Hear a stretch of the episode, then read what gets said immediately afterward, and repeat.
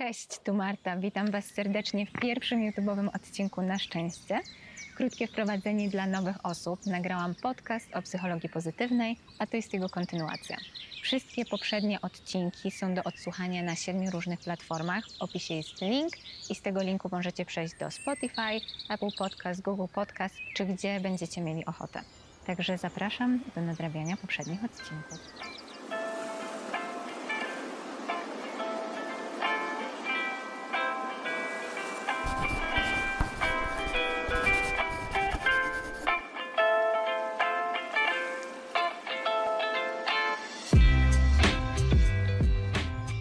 Dzisiejszy odcinek dedykuję marudom.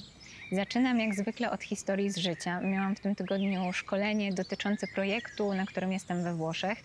Teoretycznie ono powinno było się odbyć na żywo. Mieliśmy jechać na tydzień do Rzymu i poznać wszystkich wolontariuszy z Włoch. Sytuacja jest jaka jest, e, więc wszystko wydarzyło się online. I w zasadzie wszyscy uczestnicy tego szkolenia narzekali na swoje organizacje, bo większość z nas tak naprawdę już kończy swoje projekty i narzekaliśmy na to, że nie mieliśmy szansy pozwiedzać, poznać nowych ludzi, że byliśmy zamknięci w domach i tak dalej, i tak dalej. Ponieważ spotkało to wszystkich, to narodziło się jakieś swego rodzaju połączenie między nami. I z jednej strony myślałam sobie, wow, narzekanie w sumie jest w porządku. Udało mi się nawiązać nić porozumienia z zupełnie obcymi ludźmi i to jeszcze przez internet. Z drugiej jednak strony pomyślałam, że taki trzydniowy maraton narzekania trochę popsuł mi obraz mojego wyjazdu, z którego w gruncie rzeczy jestem zadowolona. Próbowałam przekazać te pozytywne aspekty mojego wyjazdu innym, licząc na to, że może jakoś ich zainspiruje, albo może zobaczą jakieś bardziej pozytywne strony swoich projektów.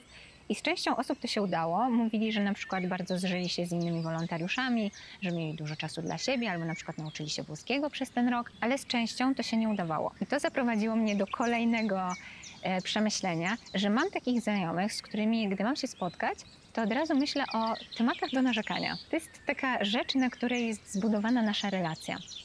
Potem pomyślałam też o tych momentach, kiedy ja albo inni ludzie wokół mnie zamieniają jakieś takie upierdliwostki dnia codziennego w coś śmiesznego.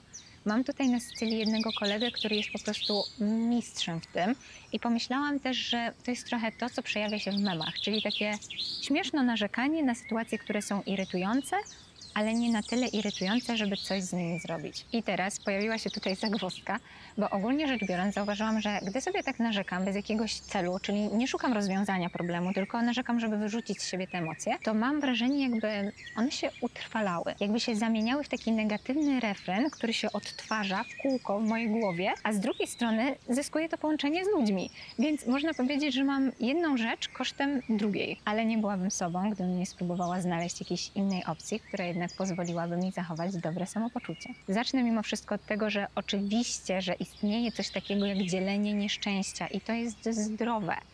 Robert Imons, wykładowca z Uniwersytetu w Kalifornii i autor książki o wdzięczności, zauważa, że jest fajnie się czymś podzielić. Ponadto fizycznie jest dobrze wypuścić swoje emocje w konkretnych przypadkach, ale po prostu takie regularne narzekanie nam nie służy na dłuższą metę. Chociaż zależy to też od rodzaju narzekania. Jeden może być bardziej szkodliwy niż inny. Jeżeli to narzekanie będzie prowadziło do rozwiązania problemu albo do insightu, czyli takiego wewnętrznego, aha, już wiem, to będzie to dla nas po prostu lepsze. Marudzenie dla samego marudzenia nie sprawia, że czujemy się lepiej, ale jeżeli narzekamy, żeby przeprocesować dane wydarzenie, nadać mu jakiś sens i znaleźć rozwiązanie, to może to mieć dużo pozytywniejszy efekt. Samo opisywanie jakiegoś negatywnego wydarzenia niewiele robi, ale już wgląd w to, że czemu to się w ogóle wydarzyło, może być bardzo dla nas korzystne, bo teraz wiemy, co możemy z tym zrobić. Oczywiście to się zaczyna od marudzenia, czyli zauważenia, co idzie nie tak, ale naszym celem powinno być zawsze wyjście poza ten aspekt. Problem polega na tym, że nie zawsze bierzemy to marudzenie na wyższy poziom. Tak naprawdę niektórzy właśnie tak definiują marudzenie, czyli narzekanie dla narzekania. To, co najgorsze, to to, że nasze umysły mówią nam, że będziemy mieć korzyści z tego, że sobie pomarudzimy, a badania pokazują coś zupełnie przeciwnego. Jak to już było w odcinku o dzieleniu albo niedzieleniu się rzeczami, tak samo tutaj narzekanie wpływa zarówno na osobę narzekającą, jak i na tę, która tego słucha. Robimy rzeczy, które są dla nas po prostu złe, bez zdawania sobie z tego nawet sprawy. W swoim badaniu Robert poprosił, żeby studenci wypełniali ankietę raz na tydzień przez kilka miesięcy. Pytał ich o ich samopoczucie, humor, jak wdzięcznie się czuli i czy angażowali się w zdrowe nawyki typu ćwiczenia fizyczne. Potem mieli zrobić listę pięciu rzeczy, które przydarzyły im się w ciągu tygodnia. Jedni studenci zostali poproszeni o to, żeby trochę ponarzekać. Nie o jakichś ważnych, dużych rzeczach, tylko o błahostkach. Poziom narzekania w stylu plastikowe torebki nie chcą się otworzyć przy pocieraniu, typu problemy ze współlokatorami, problemy ze znalezieniem parkingu, narzekanie na nauczycieli itd., itd. Co się wydarzyło po 10 tygodniach? Narzekanie nie pomogło ani trochę, a wręcz ci, którzy opowiadali o takich małych pierdołach, gorzej sobie radzili. Na przykład ćwiczyli 45 minut mniej niż ci z grupy kontrolnej, czyli osoby, które pisały to, co chciały. Ale Robert dodał jedną dodatkową grupę do tego badania. Ta trzecia grupa wykazała się lepszymi wynikami niż reszta. Wykazywali się większym stopniem wdzięczności, uprawiali więcej sportu, mieli nawet mniej bólów głowy czy problemu z żołądkiem. Ta niesamowita grupa miała spojrzeć na ostatni tydzień i zapisać pięć rzeczy, za które byli wdzięczni. Czyli zrobić coś przeciwnego marudzeniu. Skupienie się na tym, za co jesteś wdzięczny. Robert zauważył, że liczenie takich wydarzeń prowadzi do wielu naprawdę super rezultatów. Musicie wiedzieć, że jeżeli chodzi o psychologię, to na tym etapie istnieją jakieś niezliczone ilości badań nad wpływem wdzięczności na nasze życie. Według Roberta praktycznie codziennie znajduje się nowy sposób na to, jakie korzyści przynosi wdzięczność. Zdrowie emocjonalne, satysfakcja w relacjach z innymi, zdrowie fizyczne, dobre samopoczucie. W tym wszystkim wdzięczność ma znaczenie. Statystyki, na które wskazuje Robert w swojej małej książce wdzięczności, są niesamowite. Osoby, które liczą te wszystkie razy, za które mogą być wdzięczni, wykazują się 23% niższym poziomem kortyzolu, czyli hormonu stresu, obniżają poziom zjadanego tłuszczu o 25%. Osoby cierpiące na chroniczny ból wykazują się 10% polepszeniem snu i 19% obniżeniem poziomu depresji. Badania pokazują, że wdzięczność również wzmacnia naszą odporność i wspomaga wytrzymałość na negatywne wydarzenia. W porównaniu z marudzeniem wychodzi na to, że wdzięczność motywuje nas do podejmowania konkretnych działań w naszym życiu, żeby naprawić to, co złe. Z badań wiemy też, że wdzięczność pomaga nam wyzdrowieć z żałoby. Tak samo pomaga w pokonywaniu codziennego stresu, jak i z nakumulowanych ciężkich wydarzeń w naszym życiu, takich jak cierpienie, strata, traumy, Wdzięczność to część naszego mentalnego układu odpornościowego. Ale według Roberta największą korzyścią czerpaną z liczenia tych dobrodziejstw jest to, że łączy nas to z drugim człowiekiem. Tak, ta jedna pozytywna rzecz, którą możemy dostać z narzekania, jest również dostępna w przypadku wdzięczności, wraz z wachlarzem innych korzyści. Wdzięczność nas łączy i to głęboko do tego stopnia, że niektórzy mówią o wdzięczności jako o emocji międzyosobowej, takiej, która istnieje między dwojgiem ludzi. Badania pokazują, że wdzięczność może zupełnie zmienić nasz sposób myślenia, jeżeli chodzi o relacje z innymi ludźmi. Poświęcanie czasu na myślenie w kategoriach wdzięczności o przyjacielu, chłopaku, dziewczynie, mężu, żonie, o kimkolwiek sprawia, że spontanicznie zauważamy więcej pozytywnych cech u tej osoby. Sprawia, że jest łatwiej pamiętać o pozytywnych wspomnieniach związanych z tą osobą i że chcemy spędzać z nią więcej czasu. Te wszystkie małe zmiany w nastawieniu sprawiają, że czujemy się bardziej połączeni z osobą, o której myślimy. Wdzięczność to jest taki kop energetyczny dla naszych związków z innymi ludźmi. Skoro więc badania wskazujące na korzyści płynące ze skupiania się na dobrodziejstwach, które nam się przytrafiają, mamy przed nosem, to czemu w dalszym ciągu nie jest to coś, co naturalnie nam przychodzi? Mam wrażenie, że bycie miłą, dobrą, szczęśliwą jest po prostu jakieś takie sztuczne, tak jakbyśmy się przechwalali albo po prostu byli nieszczerzy. I rzeczywiście wdzięczność brzmi po prostu śmiesznie. Robert, którego wspominałam wcześniej, zdaje sobie sprawę, że trzeba się naprawdę nastarać, żeby zmienić podejście ludzi, tak żeby chcieli wziąć udział w tym, co robi. Wdzięczność wydaje się starodawnym konceptem, ale nauka sprawia, że jest to totalna nowość, bo dzięki badaniom wiemy teraz, że wdzięczność przynosi owoce z tego potencjału, o którym tyle słyszeliśmy. A więc mówiąc krótko, wdzięczność brzmi głupkowato, ale działa. Wdzięczność wymaga od nas wysiłku. Motywacja Roberta do robienia i namawiania ludzi na praktykowanie wdzięczności jest podobna do mojej, jeżeli chodzi o nagrywanie tego podcastu. Chodzi o to, żeby samej sobie i samemu sobie przypominać o tym, że jest to po prostu świetny sposób na życie i że jest to ważne. Mimo, że Robert jest ekspertem w tym temacie, to nie przychodzi mu to wcale łatwo. On sam mówi, że był jedną z tych osób, które mówiły: Będę szczęśliwy kiedy, będę szczęśliwy jak, coś tam się stanie. Jak pójdę na studia, do koledżu. Ciągle opóźniał ten moment bycia szczęśliwym i to chyba dlatego czuję, że nie był wdzięczny i nie doceniał obecnego statusu. Zawsze szukał czegoś większego, jaśniejszego i bardziej ekscytującego niż to, co miał w danej chwili. Robert robi więc badania, pisze książki, daje przemowy. To jest taka jego personalna ścieżka, po której się wspina, żeby zostać bardziej wdzięcznym. Jakie są więc wskazówki i rekomendacje dla tych skupiających się na negatywnych rzeczach, żeby wskoczyli do tego pociągu wdzięczności. Robert radzi, żeby wziąć jedną rzecz, z którą się zmagasz i spojrzeć na nią przez filtr wdzięczności. Weź rzecz, z którą najbardziej się siłujesz i spróbuj znaleźć chociaż jeden mały detal, za który możesz być wdzięczny albo wdzięczna. To jest coś, co każdy z nas będzie w stanie zrobić, nawet jeżeli z defaultu narzekamy. A wiadomo, że z praktyką przychodzi progres, więc zaczynamy od tej małej rzeczy, a później ona się rozprzestrzenia na inne. Wiadomo też, że upierdliwostki dnia codziennego nie odejdą, ale przynajmniej będziemy mieli jakąś taką wspierającą nas kolumnę, żeby patrzeć w przyszłość z nadzieją i w pozytywny sposób. Badania pokazują, że są też sposoby, żeby nie tylko natychmiastowo poprawić sobie humor za pomocą wdzięczności, ale też takie, w których ten efekt trwa nawet przez dłużej niż miesiąc. W 2005 roku Martin Seligman ze współpracownikami zarekrutowali 500 osób, żeby wypróbowali prosty sposób na natychmiastową poprawę humoru.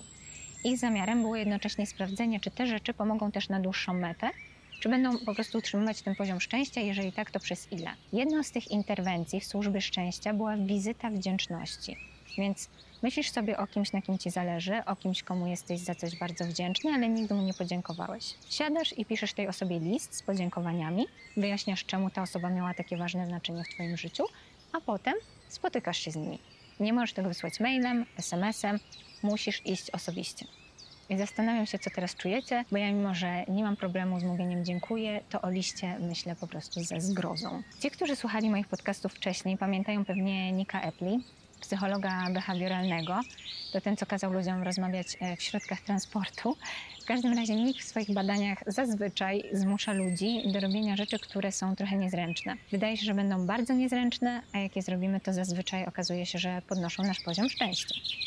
Nick radzi, żeby na przykład powiedzieć komuś komplement w jakiś konkretny dzień, albo żeby właśnie napisać taki list. Skoro to pomaga, to czemu tego nie robimy? Wiemy z badań, że pisanie listu wdzięczności pomaga, ale większość osób, które mnie dziś słucha, nigdy tego nie zrobiło. Ba, ja sama tego nigdy nie zrobiłam. I czemu nie? Dzieje się tak dlatego, że mylnie wyobrażamy sobie konsekwencje naszego wyrażania wdzięczności prosto w twarz. Zazwyczaj, gdy uczestnicy badania mają wyrazić swoją wdzięczność do kogoś, to reagują w bardzo silny sposób. Mówią, że ojej, to będzie kiczowaty. Dokładnie tak samo, jak i w innych przypadkach, ludzie bardzo nie doceniają tego, jaki wpływ będzie miało wyrażanie emocji na społeczną część ich życia. Ponieważ czujemy przerażenie na myśl o wyrażeniu swoich emocji, to nie robimy tego i opuszcza nas ta chwila i szansa na wydarzenie, które może sprawić, że my sami też będziemy się dobrze czuć. Nick kazał swoim badanym zrobić przewidywania, zanim napiszą list wdzięczności. Jak szczęśliwi, jak zaskoczeni i jak niezręcznie będą się czuć odbiorcy listu. I Nick zauważył, że jego badani w sposób praktycznie systemowy nie doceniają tego, jak odbiorcy listów będą się czuć. Zaniżają ich poziom zaskoczenia, zaniżają poziom szczęścia odbiorców, a z drugiej strony stanowczo zawyżają to, jak niezręcznie będzie się czuć odbiorca listu. Zakładamy po prostu, że to będzie bardzo dziwne, dla wszystkich, którzy będą zamieszani w ten list. A okazuje się, że to jest zupełnie mylne przekonanie. Ludzie uwielbiają słuchać, że ktoś jest im za coś wdzięczny. Spróbujmy na chwilę postawić się na miejscu tej osoby, która słyszy słowa wdzięczności. Wyobraźmy sobie, że ktoś był nam za coś wdzięczny przez lata, a teraz ze szczegółami to opisuje. Im bardziej takiej osobie zależy, tym głębiej to opisze. Jak się odczuwa otrzymanie, otrzymanie czegoś takiego? Okazuje się, że fantastycznie. Każdy profesor, którego zna Nick, ma gdzieś w swoim biurku kolekcję listów wdzięczności, które otrzymał od studentów. Mówi, że jeżeli napiszemy coś takiego, to każda osoba to sobie zatrzyma. A więc czemu nawet ja, osoba po psychologii, nagrywająca ten odcinek, wiedząc te wszystkie rzeczy, nie robię ich? Przecież to jest jakaś czysta głupota. Otóż nie. To perspektywa, a nie głupota. W całą tę akcję mamy zamieszane dwa umysły. Jeden aktywny, który rozpoczyna interakcję, w tym wypadku osoba, która pisze list, a drugi to umysł osoby, która otrzymuje ten list. Akt naszej wdzięczności, interakcji czy czegokolwiek jest mostem tych dwóch umysłów, a zbudowanie tego mostu jest szalenie trudne. Interakcja pod tytułem Ja piszę, a ty czytasz jest ciężka. To, o czym myślę, to że pisząc naprawdę wystawiam się na strzał. Odkrywam się ze swoimi emocjami. Czy naprawdę przekazuję to wszystko, co czuję? Czy dobrze wyrażam? Czy to raczej brzmi jakoś dziwnie? Jestem skoncentrowana na słowach, skupiam się na umiejętnościach, które posiadam albo nie posiadam. Czy dobra ze mnie pisarka listów po prostu? To sfokusowanie na umiejętnościach jest czymś, co ma bardzo duży wpływ na nasze przewidywanie tego, jak zareaguje druga osoba. Według Nika trzeba się zrelaksować, bo te listy nie będą oceniane jak matura z polskiego. A więc aktywni aktorzy martwią się o swoje wyniki, o bycie dziwnym, skrępowanym i generalnie o zachowanie się w jakiś niewygodny sposób. Nie ma chyba rzeczy, która by obchodziła mniej odbiorców. Ich obchodzi znaczenie, ciepło, które próbujemy przekazać. Chodzi o to, że wyciągamy rękę do pogłębienia znajomości i wyrażamy swoją wdzięczność. Uczestnicy tego badania podnieśli swoje szczęście o 5 punktów w 100-stopniowym kwestionariuszu szczęścia Martina Seligmana. A co nawet lepsze, badani pozostali na tym podniesionym poziomie przez kolejny miesiąc. Mamy cały miesiąc lepszego samopoczucia tylko po przeczytaniu krótkiego listu. Po prostu antydepresant za darmo. Nasze umysły mówią, że publiczne okazywanie naszej wdzięczności albo mówienie o tych razach, kiedy los się do nas uśmiechnął, będzie dziwne i niezręczne. I uważam, że byłoby lepiej połączyć się z ludźmi, na których nam zależy w inny sposób, jak na przykład poprzez festiwal narzekania na te same rzeczy. Nauka jednak pokazuje, że stałe narzekanie i biadolenie ma większy wpływ na nasze samopoczucie niż możemy się spodziewać. Zrzucamy na siebie i innych całe zdenerwowanie bez tak naprawdę żadnego większego zaadresowania problemów, z którymi się mierzymy. oprócz tego omija nas również sposób na lepsze łączenie się z ludźmi wokół nas, bo nie mamy pojęcia, jak dobrze wyrażenie naszego dziękuję będzie na nas wpływać. Dlatego, moi drodzy słuchacze, i teraz też widzowie, chcę Wam bardzo podziękować za czas, który poświęciliście na obejrzenie tego filmiku. Jestem Wam wdzięczna za wiadomości, które mi wysyłaliście po podcaście i jeżeli ktoś będzie miał ochotę ze mną podyskutować albo podzielić się wrażeniami po liście wdzięczności, to zapraszam na Instagrama, Facebooka, komentarzy, e, czy gdzie tam macie ochotę. Trzymajcie się i mam nadzieję, że do następnego filmiku. Pa!